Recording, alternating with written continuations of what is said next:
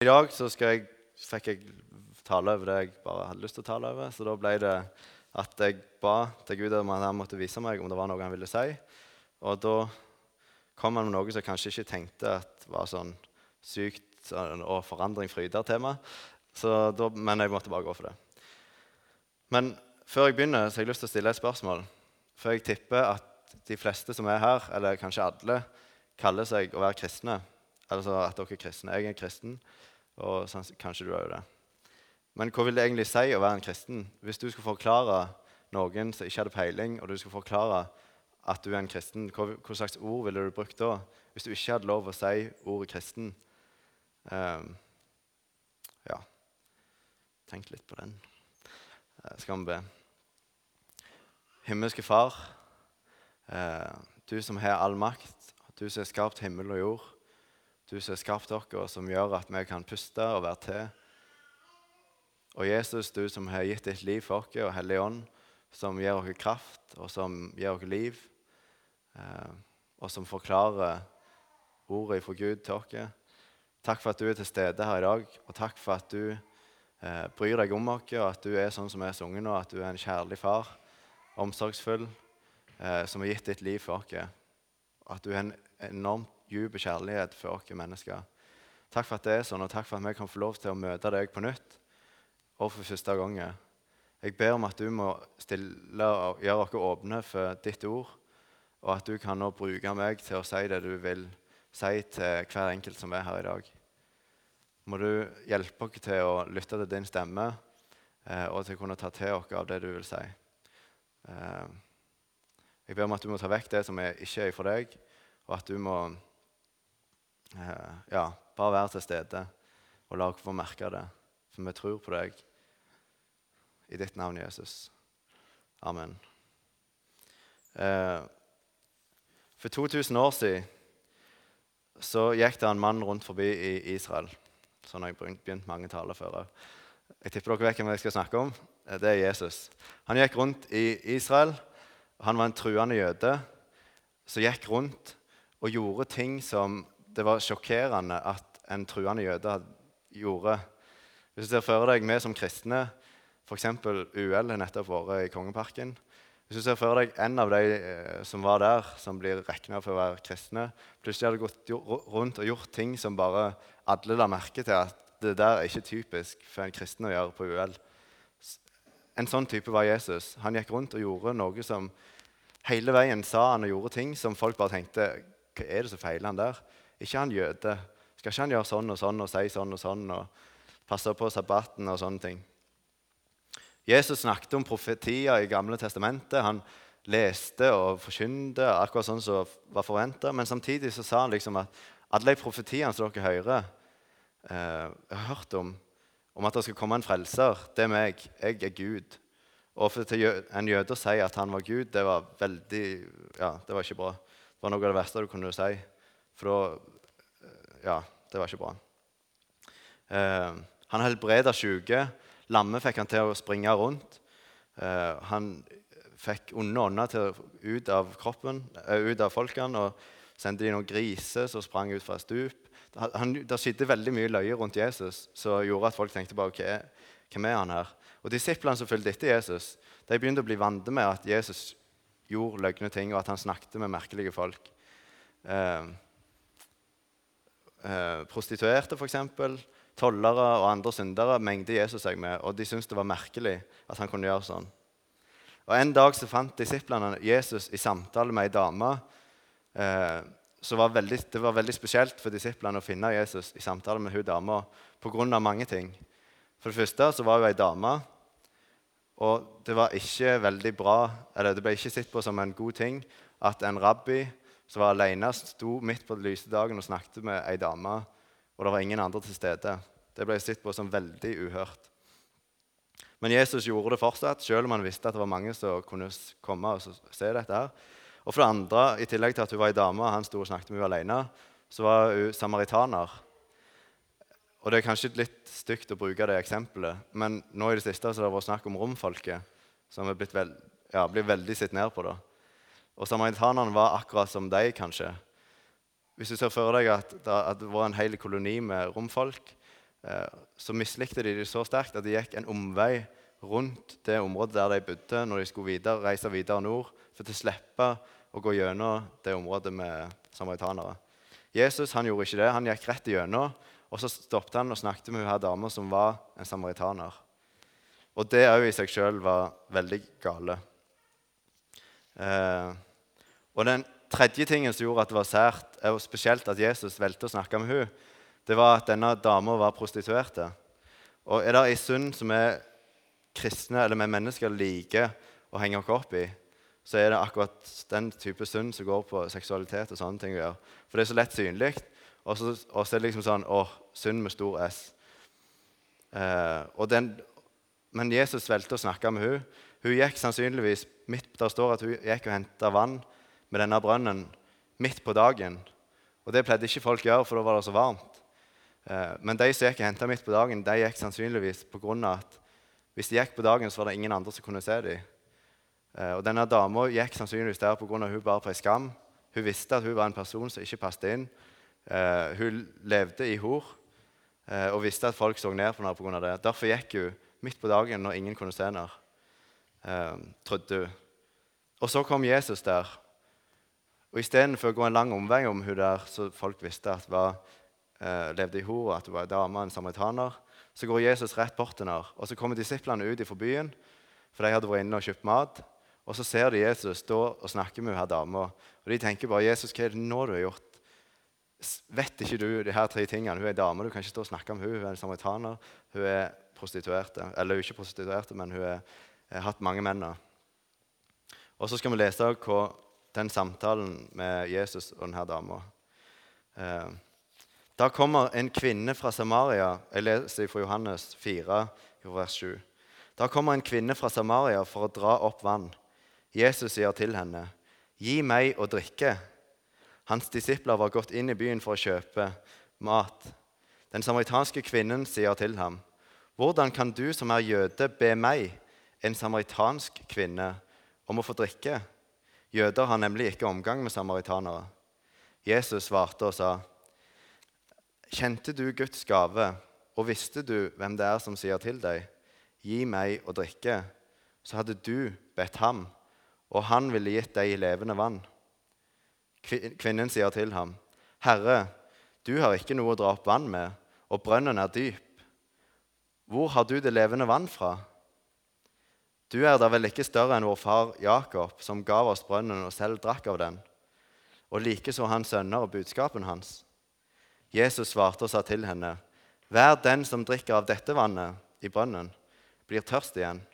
Men den som drikker av det vannet jeg vil gi ham, skal aldri evighet tørste. Men det vann jeg vil gi ham, blir i ham en kilde med vann som veller fram til evig liv. Kvinnen sier til ham, Herre, gi meg dette vannet så jeg kan slippe å tørste og gå hit for å dra opp vann.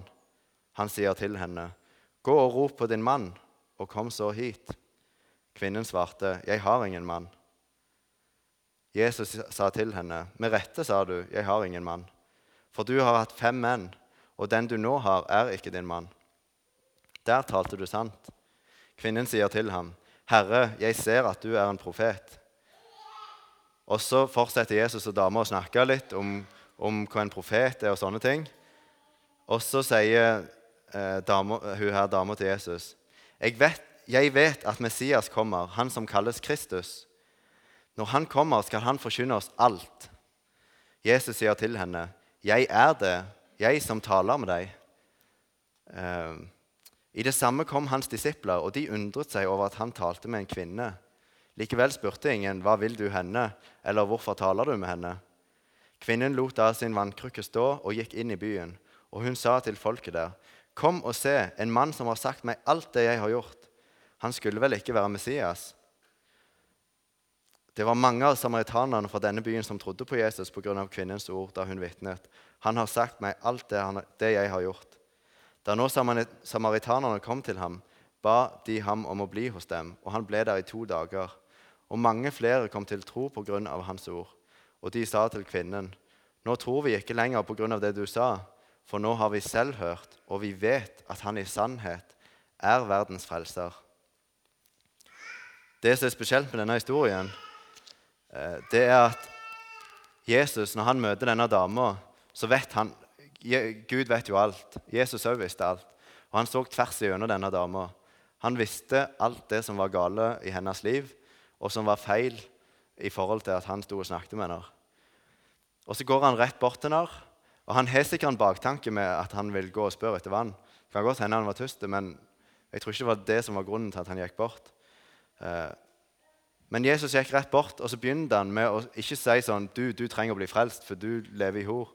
Eh, han gikk bort og så sa han til henne, 'Kan du gi meg noe å drikke?' Han begynte på en helt naturlig måte. Eh, og så spurte hun eh, Så sier Jesus til henne eller Først så spør hun liksom, kan, 'Hvorfor kan du spørre meg om det, du som er jøde?' Og Da benytter Jesus anledningen til å si det han egentlig tenkte. Og Det viser at Jesus, når han møter meg og deg Mange ganger så kan vi gå rundt med en sånn skam. Denne dama gikk midt på dagen for å hente vann for å slippe å møte andre folk med den skammen sin. Og Mange ganger så kan vi sette på en maske når vi går på møte, eller vi kan bære på ting. Vi kan føle at vi er kommet til kort, enten som kristne eller i en, en eller annen relasjon. Eller, det kan være så mange ting. Og så kan vi føle at vi, vi er ikke gode nok. Vi gidder ikke ta det der nå. Vi, vi setter på ei maske. Og så kan vi tenke at Gud han ser tvers igjennom oss, og kanskje han bare er sånn at han kommer liksom, med en gang du har noe du må gjøre opp med, veldig brutalt.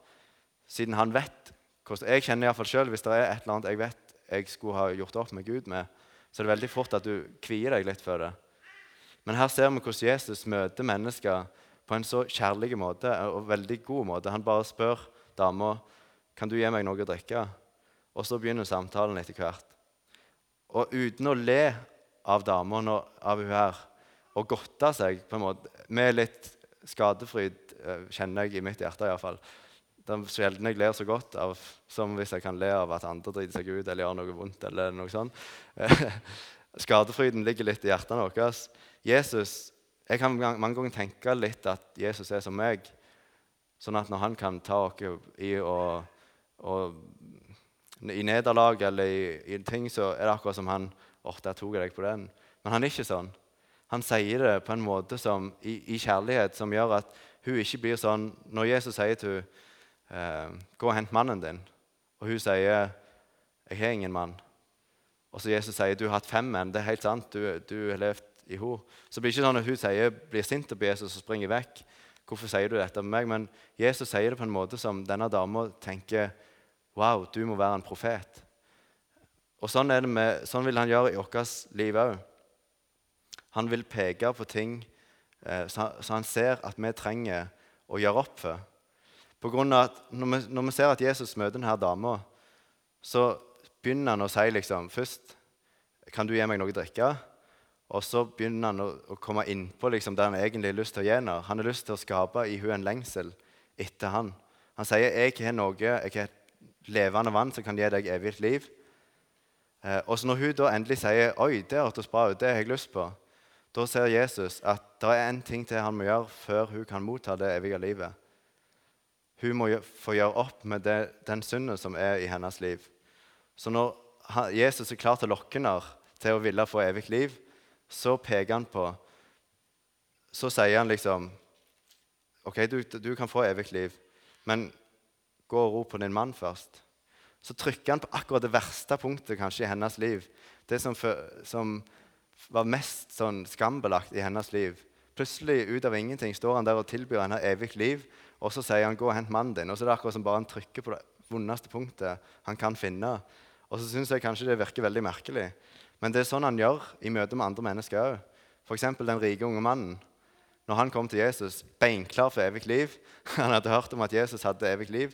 Så kommer han og spør kan jeg få evig liv. Og så sier Jesus hva han må gjøre. Du må holde budene og sånn. Så tror han mannen at han har holdt dem.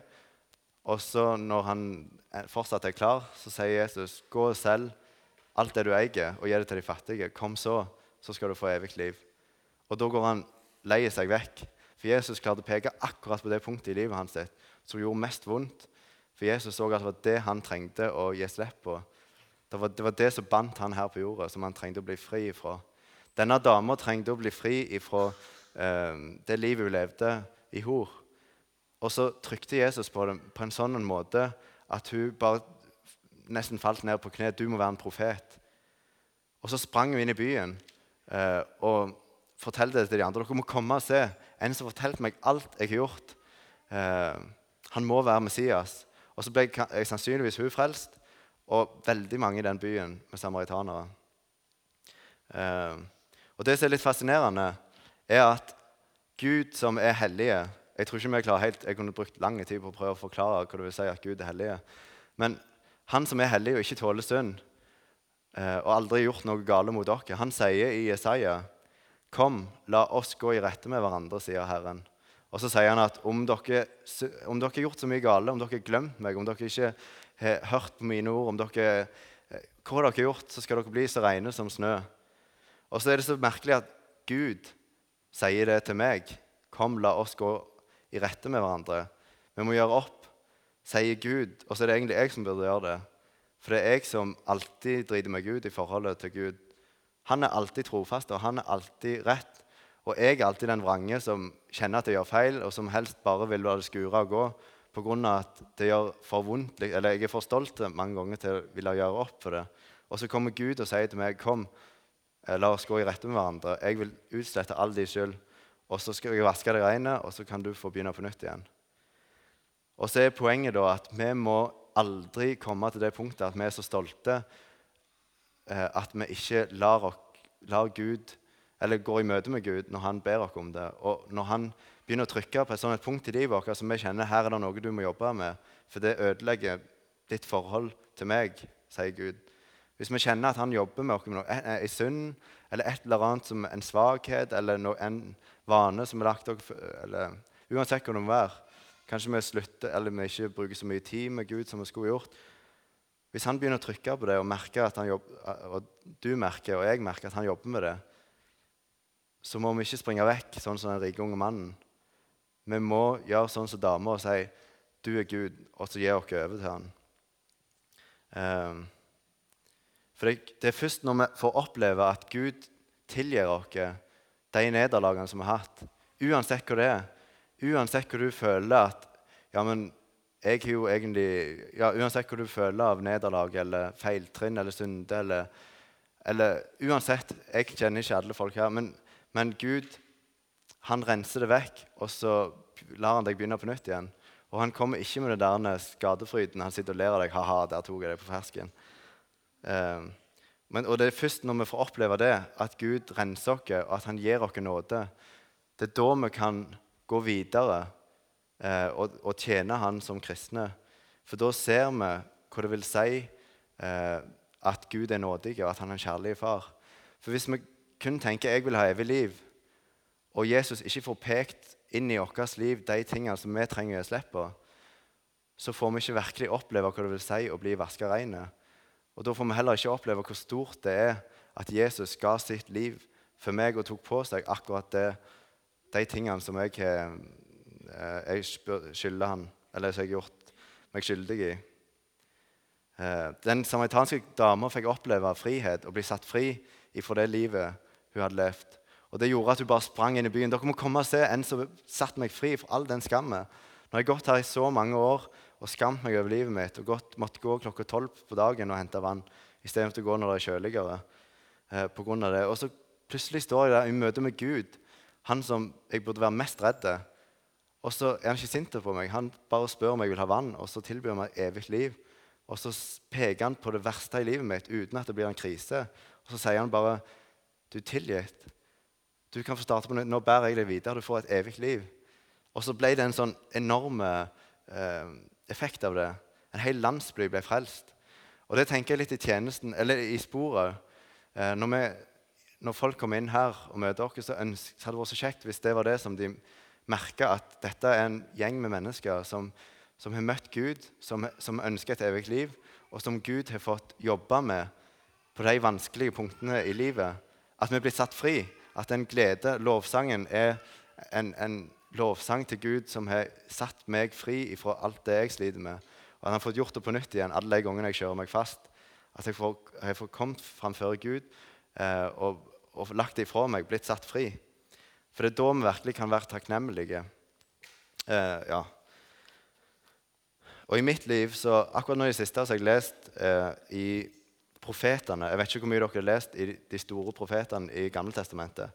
Men hvis dere skal lese noe som er tungt, så er det et godt tips å lese profetene. For noe av det er veldig tungt. Men andre ting er veldig bra, for eksempel, eller veldig inspirerende. Bl.a. Isaiah 40 og så utover. Men nå har jeg lest i Esekiel, og der står det at Gud driver og bare fyrer løs nesten på israelsfolket og klager over at han som bar dem ut fra Israel, han førte dem gjennom vann, han ga dem kjøtt, han ga dem mat. De trengte ikke streve for noen ting. Han førte dem uh, fram til et land der så flaut av mat, og det var fint. Og han sørget for at de folkene som bodde der, forsvant, sånn at israelsfolket kunne flytte inn. og så sier han jeg som gjorde alt dette for dere, jeg brenner for dere, jeg, jeg elsker dere. Og så, når dere kom inn i landet, så begynte dere å ofre til de tingene som jeg hadde gitt dere. Når dere så at jeg ga dere masse mat og tre som ga mye frukt, så begynte dere å ofre til trærne og liksom gi takken til dem. Og så glemte dere meg som hadde gitt dere alt dette. Og så er han veldig, han er veldig hard når han sier at eh, Hvorfor glemmer dere meg? Og så, Da slo det meg litt at det er en ting som jeg tror jeg Eller jeg vet jeg har gjort samme feilen eh, mange ganger, og også i det siste. Gud har gitt meg så mange ting. Han har gitt meg masse penger. Han har gitt meg muligheten til en jobb. Jeg skal over i ny jobb nå. Leilighet skal jeg få. Jeg har bil. Nå har vi to biler. Jeg gifter meg. Med, det er så mange ting. Og så er det nesten som jeg så må jeg begynne å spørre meg selv hvor mange ganger har jeg takket Gud for at han har gitt meg muligheten til å ha dem, til alle de tingene. Hvor mange ganger har jeg takket Gud for at jeg får lov å spise meg mett i dag? Jeg ber for maten, om han kan velsigne den. Jeg ber om at han vil være med meg på møte. Jeg ber om alt mulig sånn. Men hvor mange ganger gir jeg faktisk Gud æren for alt det gode som skjer i livet mitt? Alt det jeg har fått oppleve til nå? Hvor mange ganger eller hvor mange ganger setter jeg faktisk lit til min egen planlegging av dagene og, og økonomi og alt mulig sånn. Det ble litt sånn for meg, Jeg kjente at når Gud var så hard med israelsfolket, så var jeg litt sånn hvorfor, ja, hvorfor ga det ikke Gud æren og takte han når han hadde gjort så store ting? Og så plutselig så jeg sjøl at Hallo, du sitter i samme båt sjøl. og så ble det litt sånn at jeg fikk det samme møtet med Jesus, at han bare Kom, la oss gå i rette med hverandre. Og så begynner vi på nytt. Og så fikk jeg oppleve igjen hvor utrolig stort det er at Gud gir oss den muligheten. Alltid starte på nytt igjen. Um, for vi vet kanskje sjøl hvor lite kjekt det er hvis noen andre tar æren for noe vi har gjort. Eller vi kan iallfall se det for oss. Hvis, hvis, du hadde jobbet med, no jobb med noe et helt år eller to år kanskje, og, så, og du er sykt fornøyd, og så kommer det i avisen og greier, dette var kjempefint, og så står det at det er en eller annen luring som har gjort det. Eh, og du får ingenting av æren, og du kjenner deg skikkelig snurt. Eh, da kan vi tenke bare hvordan Gud, som har skapt og kom på alt, føler det når vi mottar hans gode gaver og glemmer å gi han æren. Det er litt av det når vi lovsynger han. Vi får lov å gi han æren. Og, og, jeg tror det var en ting som han ville minne ikke bare meg om i dag, men minne oss på at vi har grunn til å være takknemlige. Eh, og vi må hjelpe hverandre til å huske på at tingene i seg sjøl er ikke trygghet. Det er Gud som gir oss trygghet i livet, og det er Han som er verdt å stole på. Og så er det sånn at eh, i ditt liv og i mitt liv så er det noen det er forskjellige ting. Altså, jeg er, jeg er meg, og du er deg. Og for deg så er det noen ting som kan gjøre det vanskelig, eller komme i veien for ditt forhold til Gud. Og i mitt liv er det andre ting. Og Gud møter, Jesus møter deg akkurat sånn som du trenger. Han møter meg akkurat sånn som jeg trenger. Det er mange ganger vi kan tenke, høre om andre som får sånne store opplevelser med Gud, og så kan vi tenke åh, jeg, håper, jeg skulle ønske det var meg. Men så er tingen den at Gud møter deg akkurat sånn som du trenger. Eh, for eksempel, så har jeg lyst til å fortelle til slutt Nå er det fare for at jeg har snakket litt, men det får bare holde ut litt. Nå slutter jeg uansett. men eh, Peter han hadde fulgt etter Jesus i mange år. Han hadde, var sannsynligvis en av de som så når han snakket med denne dama. Eh, han hadde fått lov å gå på vannet. Eh, han hadde opplevd at Gud hadde brukt noen få brød og noen fisker. og Det var nok mange tusen mennesker. Han hadde opplevd sykt mye med Jesus. Han hadde dumma seg ut mange ganger. Jesus hadde til og med sagt til han, 'Vik bak meg, Satan', eh, når, Peter sa noe som han ikke skulle ha sagt. Andre ganger så sa han noe som Jesus, Jesus bare sa dette må bare være for Gud. Eh, Peter elska Jesus. Og Han sa til og med at han ville gi livet sitt sammen med Jesus hvis det trengtes. Eh, og så sa Jesus til Peter Nei, vet Du hva, du kommer ikke til å gi livet ditt sammen med meg. Eh, du kommer til å fornekte meg tre ganger. Eh, men Peter sa nei, nei, nei. Jeg, jeg, skal gi livet mitt for deg. Og når, når soldatene kom for å ta Jesus, så tok Peter fram sverdet, beinklar for å kjempe for Jesus. Uh, og Jesus sa nei, du må legge ned sverdet. du skal ikke kjempe nå. Men, men Peter var helt der. Han var skikkelig på tuppene for Jesus. Eh, og Så stikker soldatene av sted med Jesus, og Peter blir igjen alene. Og, og Jesus hadde valgt ut Peter som den fremste av disiplene, eller en sånn ledertype.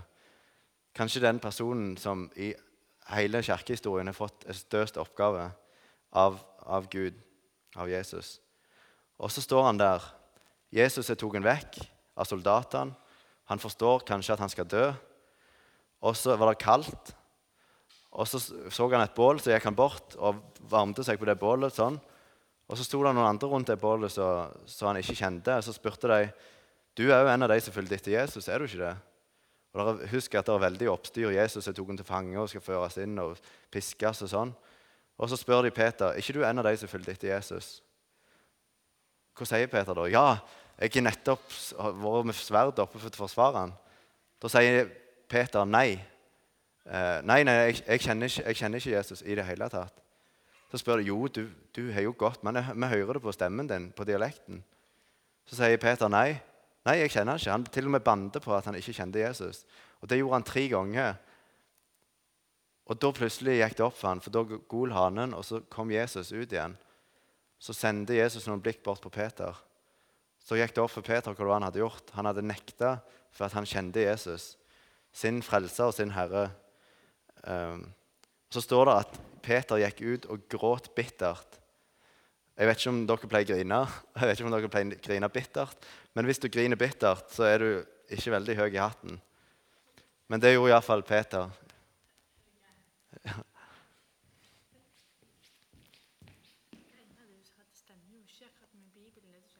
Hva var det da du tenkte på? Det var i hvert noe du sa som ikke stemte med Vi kan se på det etterpå, skal vi det? Så, eh, så etterpå, når Jesus hadde, når Jesus hadde blitt korsfesta, og Peter hadde gått ut og, og hatt denne opplevelsen av at han hadde svikta Jesus tre ganger, fornekta at han kjente Jesus, eh, så døde Jesus på korset. Han sto opp igjen. Peter fikk møte han, men fortsatt så bar han på denne skammen at jeg som var utvalgt, jeg dreide meg fullstendig ut. Og Kanskje han følte han hadde kjørt seg opp i et hjørne der han ikke eh, Han visste ikke hva, hva gjør jeg nå videre når jeg svikter Jesus så grovt. Eh, jeg har ikke klart å fortelle til det tre-fire stykk at jeg kjenner han en gang. Og så kan vi liksom akkurat så høre hvor fortvila han var. Sånn, han bare sa til disiplene vet du hva, jeg går og fisker. Nå gidder jeg ikke mer. Eh, så gikk han og, og, og fiska sånn som han hadde gjort før han ble kjent med Jesus. Begynte å følge han. Så ble disiplene med. Så gikk de og fiska. Fiska hele natten uten å få noen ting. Så plutselig står det en, en luring på land, og så roper ut Dere må prøve å hive på andre sida. Og så tenker jeg på de som had, var fiskere. De må jo føle at det var utrolig tåpelig at en, en, som står på land, ikke skulle prøve å vite bedre enn de hvor de skulle fiske hen. Så heiv de ut, og så fikk de utrolig mye fisk. Så mye at garnene ikke klarte å holde nesten. Det de står faktisk i Bibelen at de 105, fikk 153 fisker. Store fisker. Og da gikk det opp for dem hvem det var som sto på land. Det var Jesus. Og Da står det Peter bare heiv på seg klærne og kom seg inn til land, for han måtte bare treffe Jesus igjen. Og Så står det at Jesus gjorde i stand måltid til dem. Han ga dem brød og fisker. Eh, og ja, de spiste. Og når de da hadde spist, så skjer det som viser hvordan Jesus møter Peter akkurat sånn som Peter trengte det. Husk han hadde fornekta Jesus tre ganger og bar på en skam. Og så ser vi igjen et bål, sånn som hadde vært den gangen Peter fornekta Jesus tre ganger. Jesus har gjort i stand et bål igjen. Han står med bålet, Peter står med bålet, og så spør Jesus Peter, 'Elsker du meg, Peter?' Brukte det sterkeste ordet for å elske som han kunne bruke. Så sier Peter, 'Ja, du vet at jeg elsker deg.' Og så sier Jesus, 'Har du lyst Eller vokt mine får.' Pass på, Du skal passe på de som tror på meg.